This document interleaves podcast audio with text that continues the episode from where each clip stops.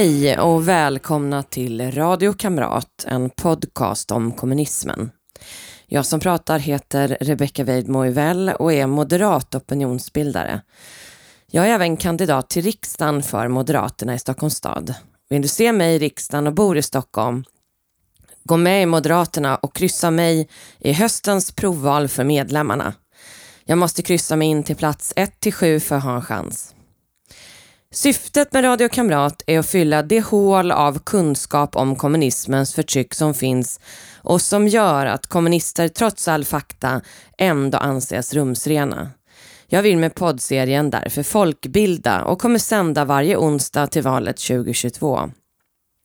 Vill ni som stödjer mitt initiativ om folkbildning om kommunism bidra kan ni swisha till 123 444 5847 eller så blir ni Patreon på patreon.com och sök efter Rebecca Weidmo så hittar ni mig där. Sponsra med 9 kronor per månad och uppåt. Alla kommunistländer har inte en lika modisk och spektakulär historia som de mest kända som mördat i industriell skala, begått fruktansvärda, ofattbara grymheter och därför hamnat på historiens värsta lista. En del kommunister har bara förstört ekonomin och en del har trots detta blivit hjältar i historien för att omständigheterna ledde till det. Motivet för poddserien är inte bara att frossa i mord och blod utan att ge er en mer balanserad bild av verkligheten. För vinnarna skriver historien. Verklig folkbildning kring allt som har med kommunism att göra. En av dessa socialistiska hjältar är Salvador Allende i Chile.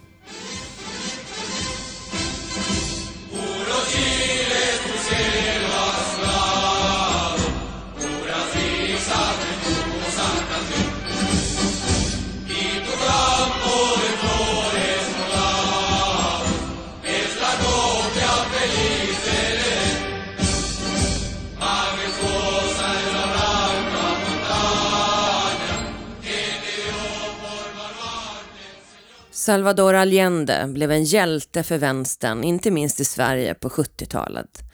Allt han gjorde var underbart. Han räddade Chile och störtade sen av USA-stödda tyrannen Pinochet som styrde med terror och tortyr.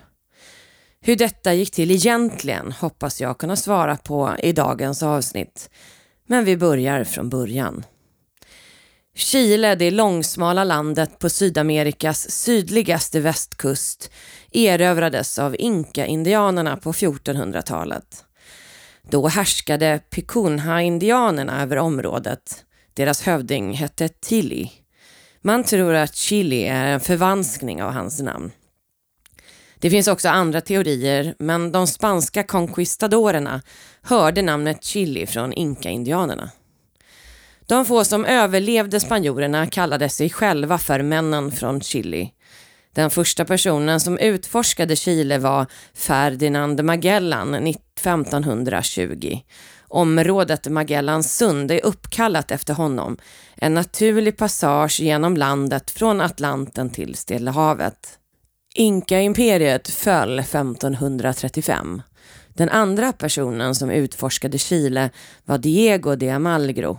Chile blev en spansk koloni och på slutet av 1700-talet bestod den av 259 000 personer där 74 procent var europeer.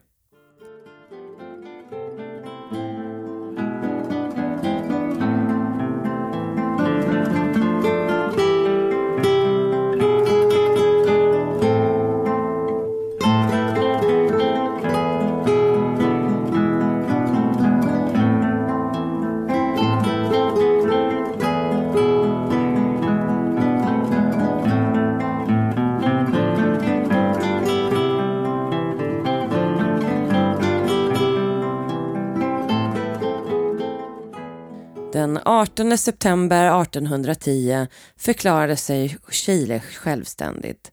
Detta blev starten på en lång demokratiperiod. Chile startade också framgångsrikt flera krig, de som kallas Stilla havskrigen 1879 till 1884, som gav Chile mer än en tredjedel mer land. Bolivia blev utan kust och Peru förlorade tre provinser de fick tillbaka på 1920-talet. De tog även Påskön som hade haft en egen polynesisk civilisation med ett eget språk parallellt med inkarikets utbredning. Men ett inbördeskrig utplånade detta långt innan Chile tog över ön. Kvar blev de stora figurerna som står kvar än idag.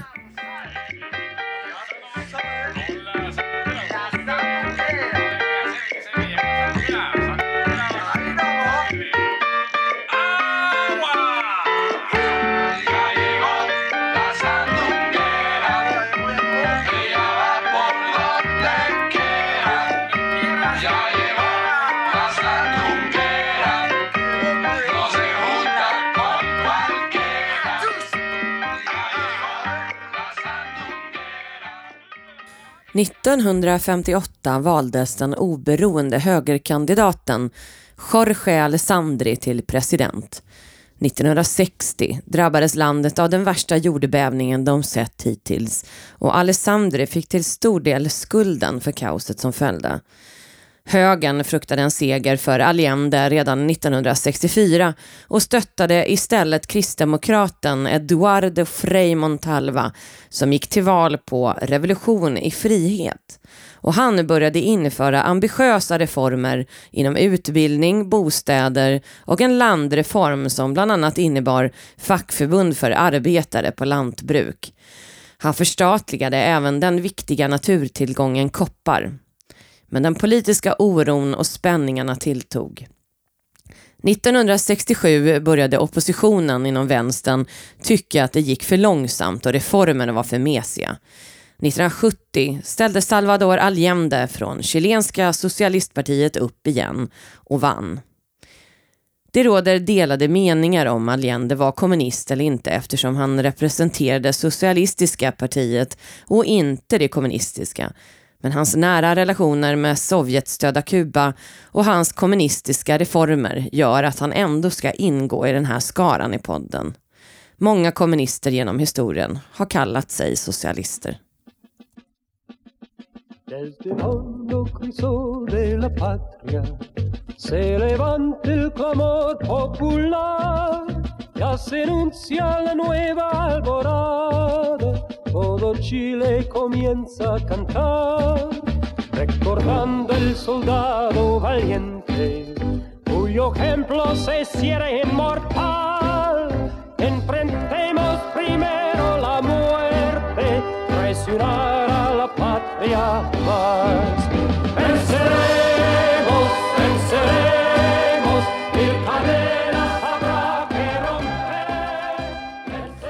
Salvador Allende föddes den 28 juni 1908 i Santiago.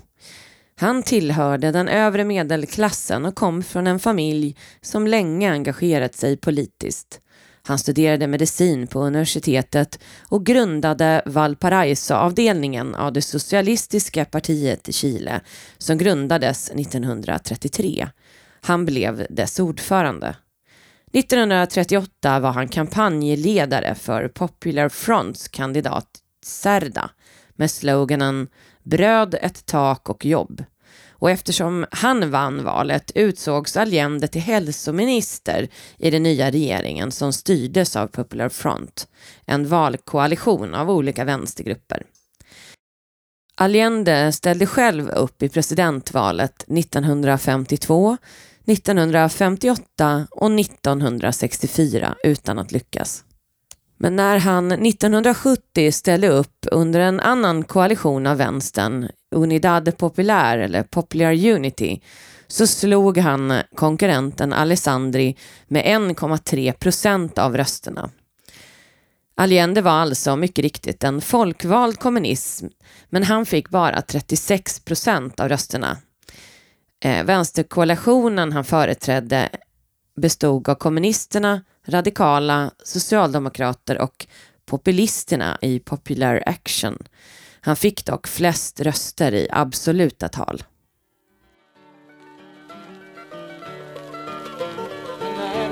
Susan,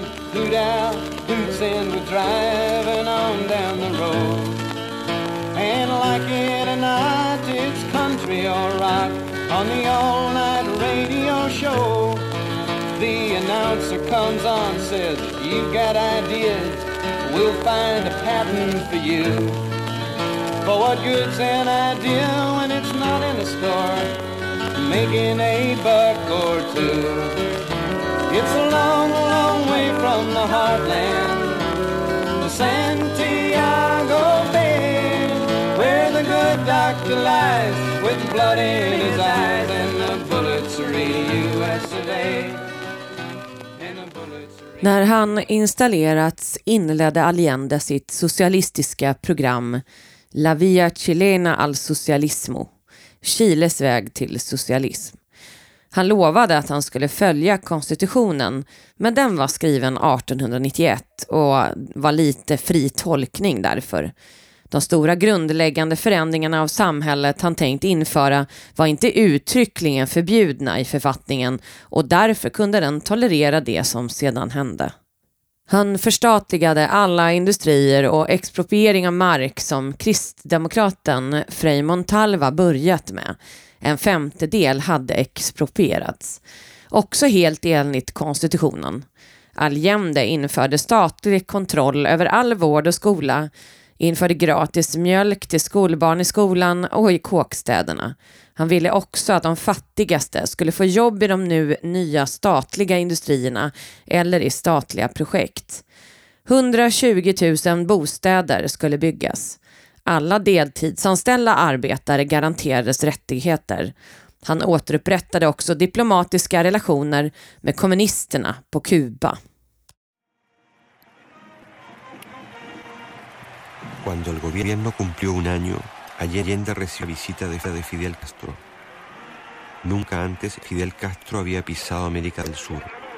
Fue una conmoción y la derecha estaba escandalizada. Hemos venido a aprender cómo se comportan las leyes de la sociedad humana. Hemos venido a ver algo extraordinario Redan året efter Allende installerades som president kom kompisen Castro och besökte. Ni hörde ett klipp från det besöket. I december 1970 bestämdes att brödpriserna skulle vara fasta och 50 000 frivilliga skickades till södern för att undervisa i regioner som tidigare hade ignorerats. En minimumlön för arbetare infördes, gratis skolmåltider, hyresnedsättningar infördes och man började bygga tunnelbana.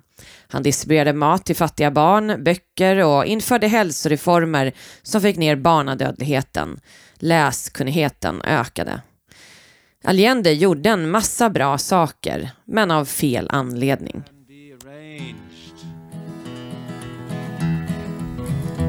You are flying to Vienna. You have phones aboard your airplanes. You sit at oaken tables, speak in solemn tones, while the leaders of all nations keep a deep respectful silence. You're moving pawns and bishops made of flesh and blood and bones. But the white bones of Allende and the scattered bones of Chile are the scream that breaks the silence of the thousands blown away. Oh, the white bones of Allende and the scattered bones of Chile are not silent, they are screaming, they're your peace prize. Hans plan var nämligen att omorganisera hela samhället efter marxistisk modell, men utan våldet och revolutionen. Det jag radat upp hade en annan sida. Han avskaffade stora delar av den privata äganderätten, stal privata företag, land och skog och ruinerade delar av befolkningen. Han urholkade också den producerande delen av ekonomin. Konsumtionen skulle stimuleras genom stora lönehöjningar, vilket fick konsekvensen av enorm inflation, flera hundra procent såklart. Så fungerar det. Skjuter du in en massa pengar i systemet höjs priserna och reallöneökningarna äts upp av stigande kostnader. Det är därför man inte gör så i länder som styrs vettigt. Hans ambition var inte bara att genom förstatligande fördela tillgångar, det vill säga ta folks tillgångar de byggt upp under generationer av hårt arbete och ge till andra, utan inkomsterna skulle jämnas ut.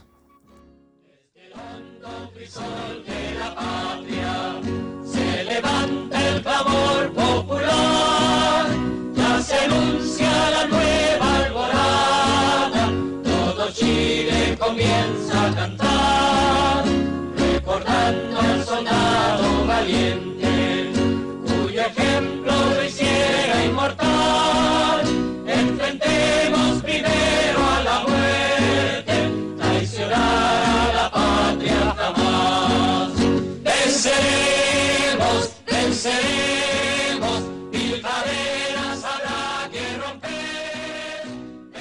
Allende införde även en priskontroll, vilket visserligen reducerade prisökningen från 35 procent till 21 procent. Men marknaden avlägsnade då en massa varor som inte såldes öppet utan bara på den svarta marknaden. Man fick alltså ett sämre utbud, givetvis. Alla vill inte sälja till underpris.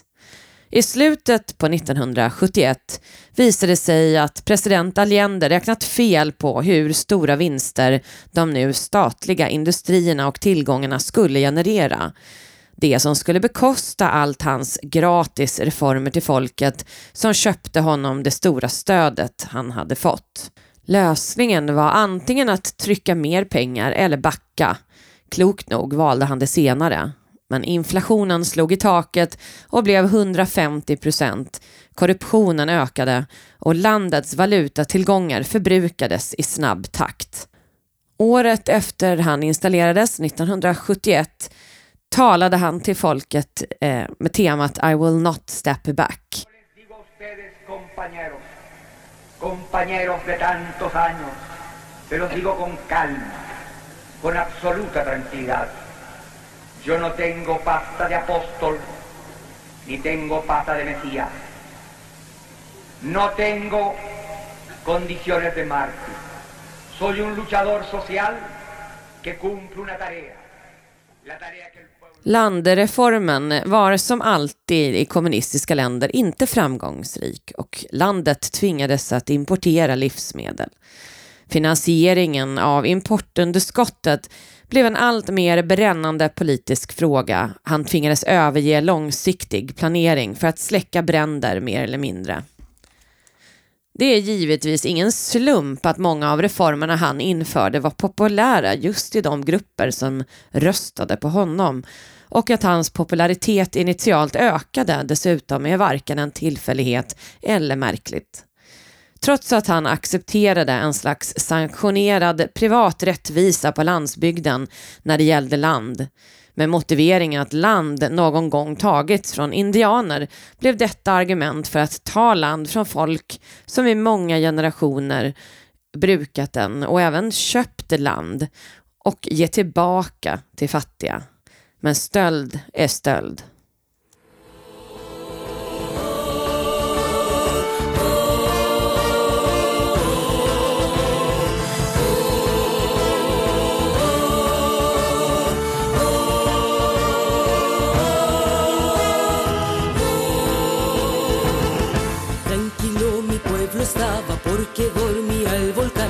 Los mayores se aprestaban para asistir al gran rucán. Mientras los niños jugaban chueca frente al copigual. Una joven tejedora trabajaba en su huitral. Allá arriba.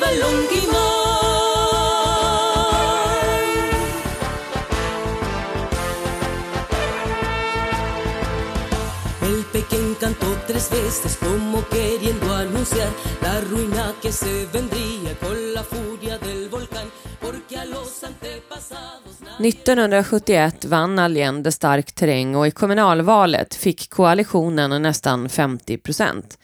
Men detta var alltså före den galopperande inflationen 1972. I valet 1973 fick Allendes parti nästan 44 procent av rösterna och detta var efter hans popularitet börjat dala kraftigt. Det dröjde inte många timmar innan rykten om valfusk spred sig och även officiella siffror visade att majoriteten av Chiles folk avvisade Allendes politik. Han hade varit uppfinningsrik i sitt löfte att följa lagen genom sina tolkningar av konstitutionen och han fortsatte på detta spår genom att aktivera en bortglömd lag från 1932 som gjorde det möjligt för en president att socialisera hela näringslivet. Som övertygad marxist är det svårt att inte se att detta varit planen från början. Ändamålen fick helga medlen. Hade han, om han hade fått fortsätta som så många andra kommunister, infört en totalitär regim till slut? Ingen vet. 1972 sa han till en fransk journalist i tidningen Figaro i juni. Ni bör veta att det finns dålig inflation, den kapitalistiska, och en god, nämligen vår socialistiska, som medger överförandet av de tyngsta bördorna till de rikaste klasserna. y su fruto sagrado nos del serás mi niño y me harás dichosa. Serás el más hermoso, mi huepeñel. Ekonomin var i mångt och mycket fritt fall och de politiska oroligheterna tilltog i landet. De två stora oppositionspartierna drevs till och med tillsammans och vapen började strömma in i landet. Allt fler fackföreningar som leddes av folk som inte var socialister började agera och snart hörde bojkotter och strejker till vardagen. Det tilltagande tvånget att importera allt mer livsmedel och produkter gynnade i allt större utsträckning öppet regeringens anhängare genom att en stor del av distributionen skedde via organisationer som stödde regeringen. Den stora koppargruvan, eller Teniente, strejkade under lång tid vilket resulterade i stor minskning av produktionen av koppar som var landets största exportvara och intäkterna minskade. Arbetarna strejkade mot den enorma inflationen och samhällsupplösningen. Åkeriägarna strejkade också, vilket i Chile inte är som det låter. Stora företag, utan tvärtom var det små privatägda som ägde en lastbil eller kanske bara en del av en lastbil och körde varorna själva. Men stod transporterna stilla förvärrades ett redan dåligt läge. Intressant nog fick Allende ingen hjälp av Moskva. Han besökte landet i slutet av 1972 men återvände bara med ett minimum av krediter. Sovjet tänkte inte hjälpa honom från undergång. De såg kanske vart det barkade. Däremot stödde Sovjet indirekt landet genom Kuba och Castro. Den kubanska ambassaden i Santiago byggdes ut kraftigt efter att Allende vunnit 1970 och eh, en massa så kallade turister anlände från Kuba. Många hade med sig tungt bagage, vapen. Kriminaliteten ökade och gatuvåldet eskalerade, inte minst från vänstergrupper. Under sensommaren och hösten 1973 förvärrades läget i Chile och det bubblade och fräste mot en revolution av något slag. Industriproduktionen sjönk och penningvärdet föll allt snabbare. Mellan 1972 och september 1973 ökade levnadskostnaderna med 303 procent. Samarbete inom vänsterkoalitionen som stödde Allende föll ihop som ett korthus.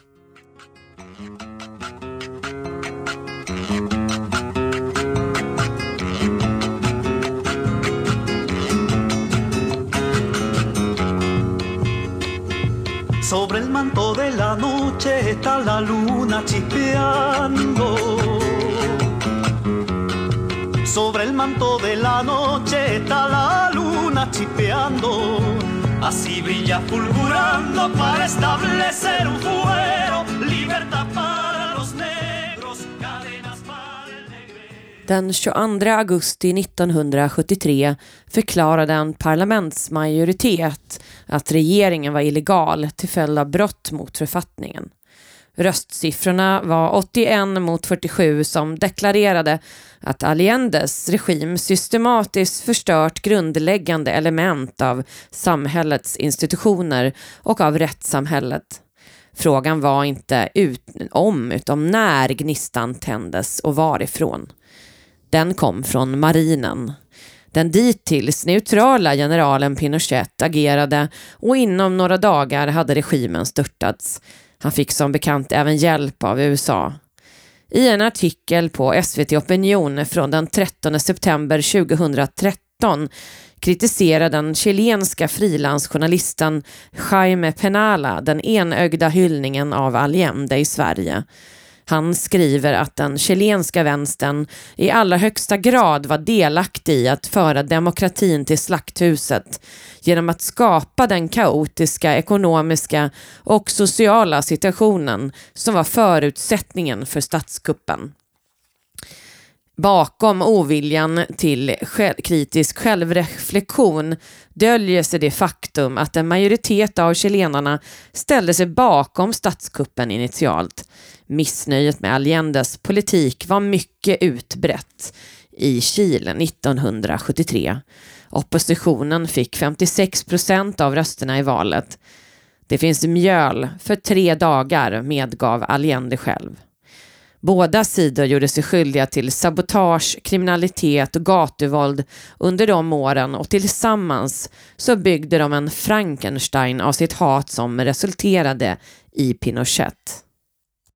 Den 11 september 1973 höll Salvador Allende sitt avskedstal. Arbetare i mitt fädernes land, jag tror på Chile och dess framtid. Andra chilenare kommer att ta över efter oss och övervinna detta mörka och dystra ögonblick då förräderiet fullbordas. Fortsatt i vetskapen om att förr eller senare, mycket snart, kommer de stora avenyerna åter att öppnas och fria människor gå fram för att bygga ett nytt och bättre samhälle. Lever Chile, lever folket, lever arbetarna. Kort därefter så meddelades att presidenten begått självmord med en AK47 som han hade fått i gåva av Kubas ledare Fidel Castro.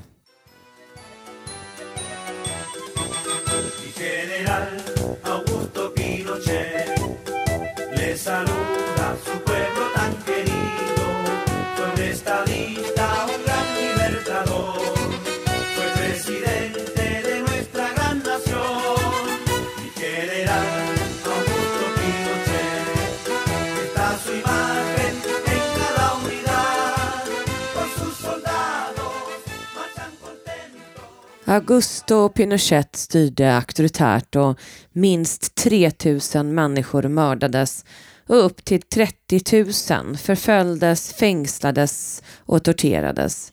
Framför allt förföljdes vänstern. Men styret var inte helt totalitärt och han gav frivilligt upp makten 1990. Han klev av lugnt själv och ersattes av en demokratiskt vald president. Han hade själv utlyst valet.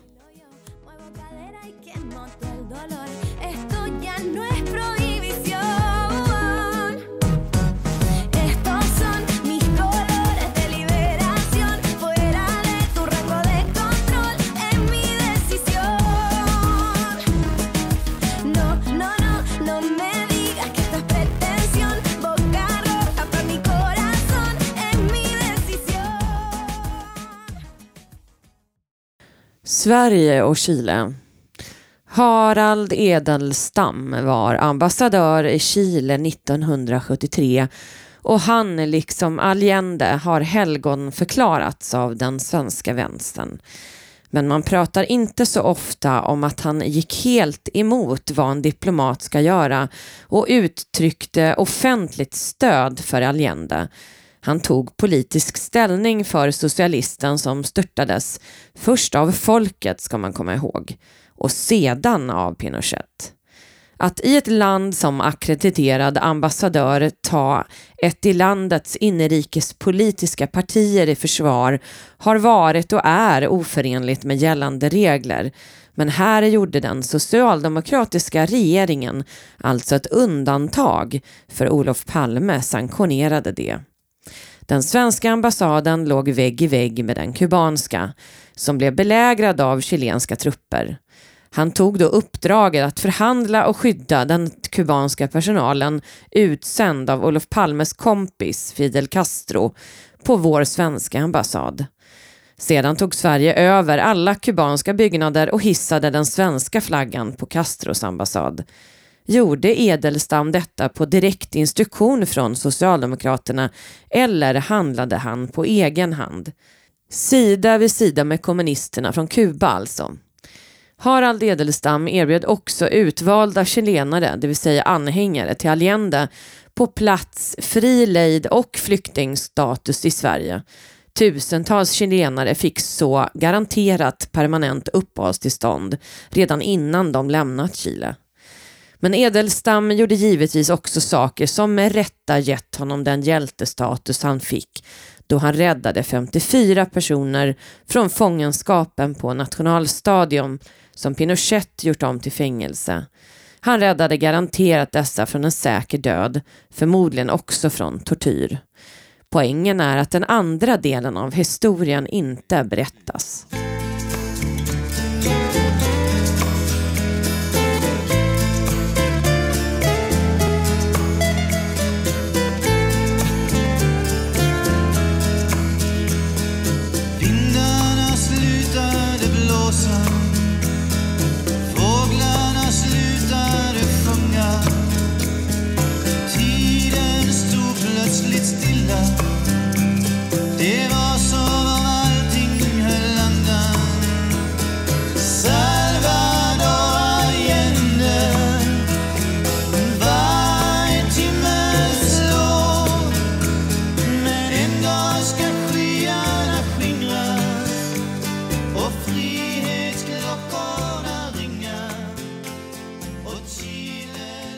Det har funnits mycket stora incitament att skriva om historien kring Chile och helgon förklara Salvador Allende.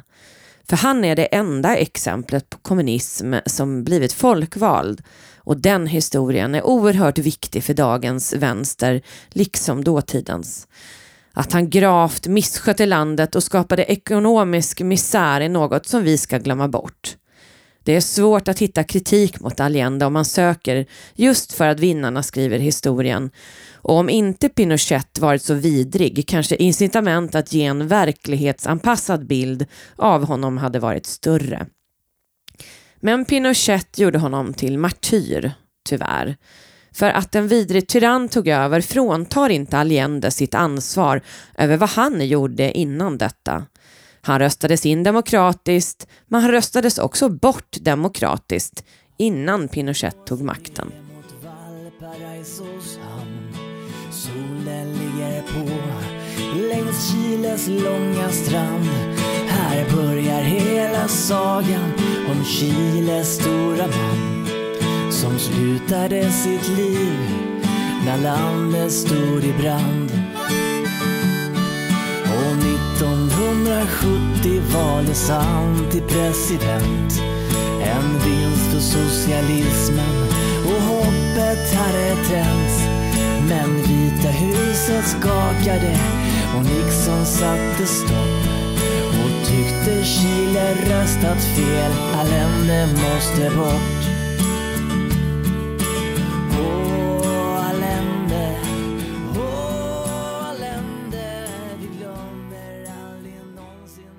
När jag drog igång det här projektet för upplysning om kommunism var också det första kommunister online frågade mig ska du ta upp fascister också som Pinochet?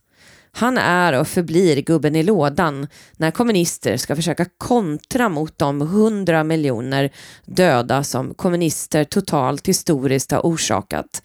Men Pinochet då?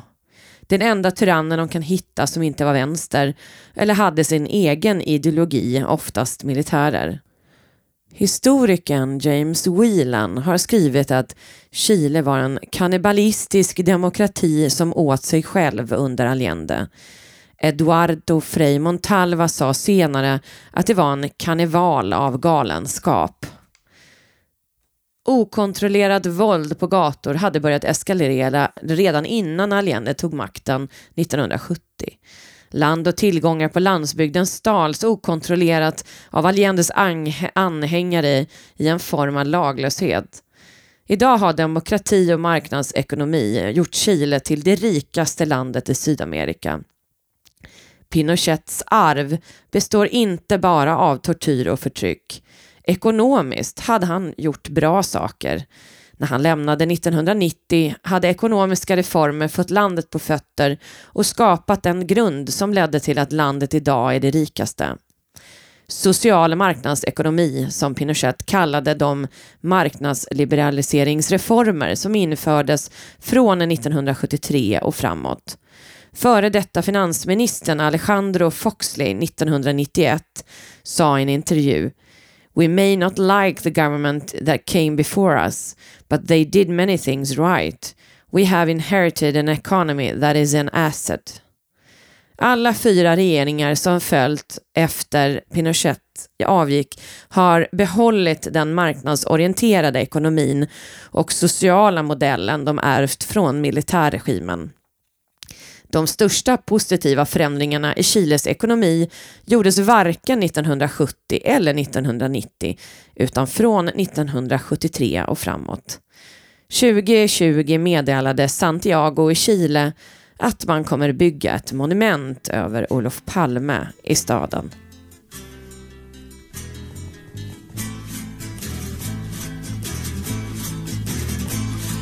Kamrater, kompanjeros, hör nu vår sorgesång. Hur världens folk berövat sin frihet gång på gång. Hur folkfrontens regering, Chiles demokrati har krossats nu av terrorn och högerns barbari. Stor är vår sorg och vrede, men stor vår beslutsamhet.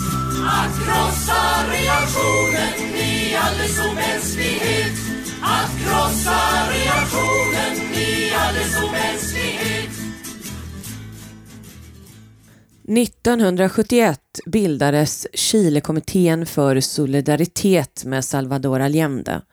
Efter kuppen växte föreningen snabbt och blev en aktivistorganisation med lokalkommittéer spridda över hela Sverige.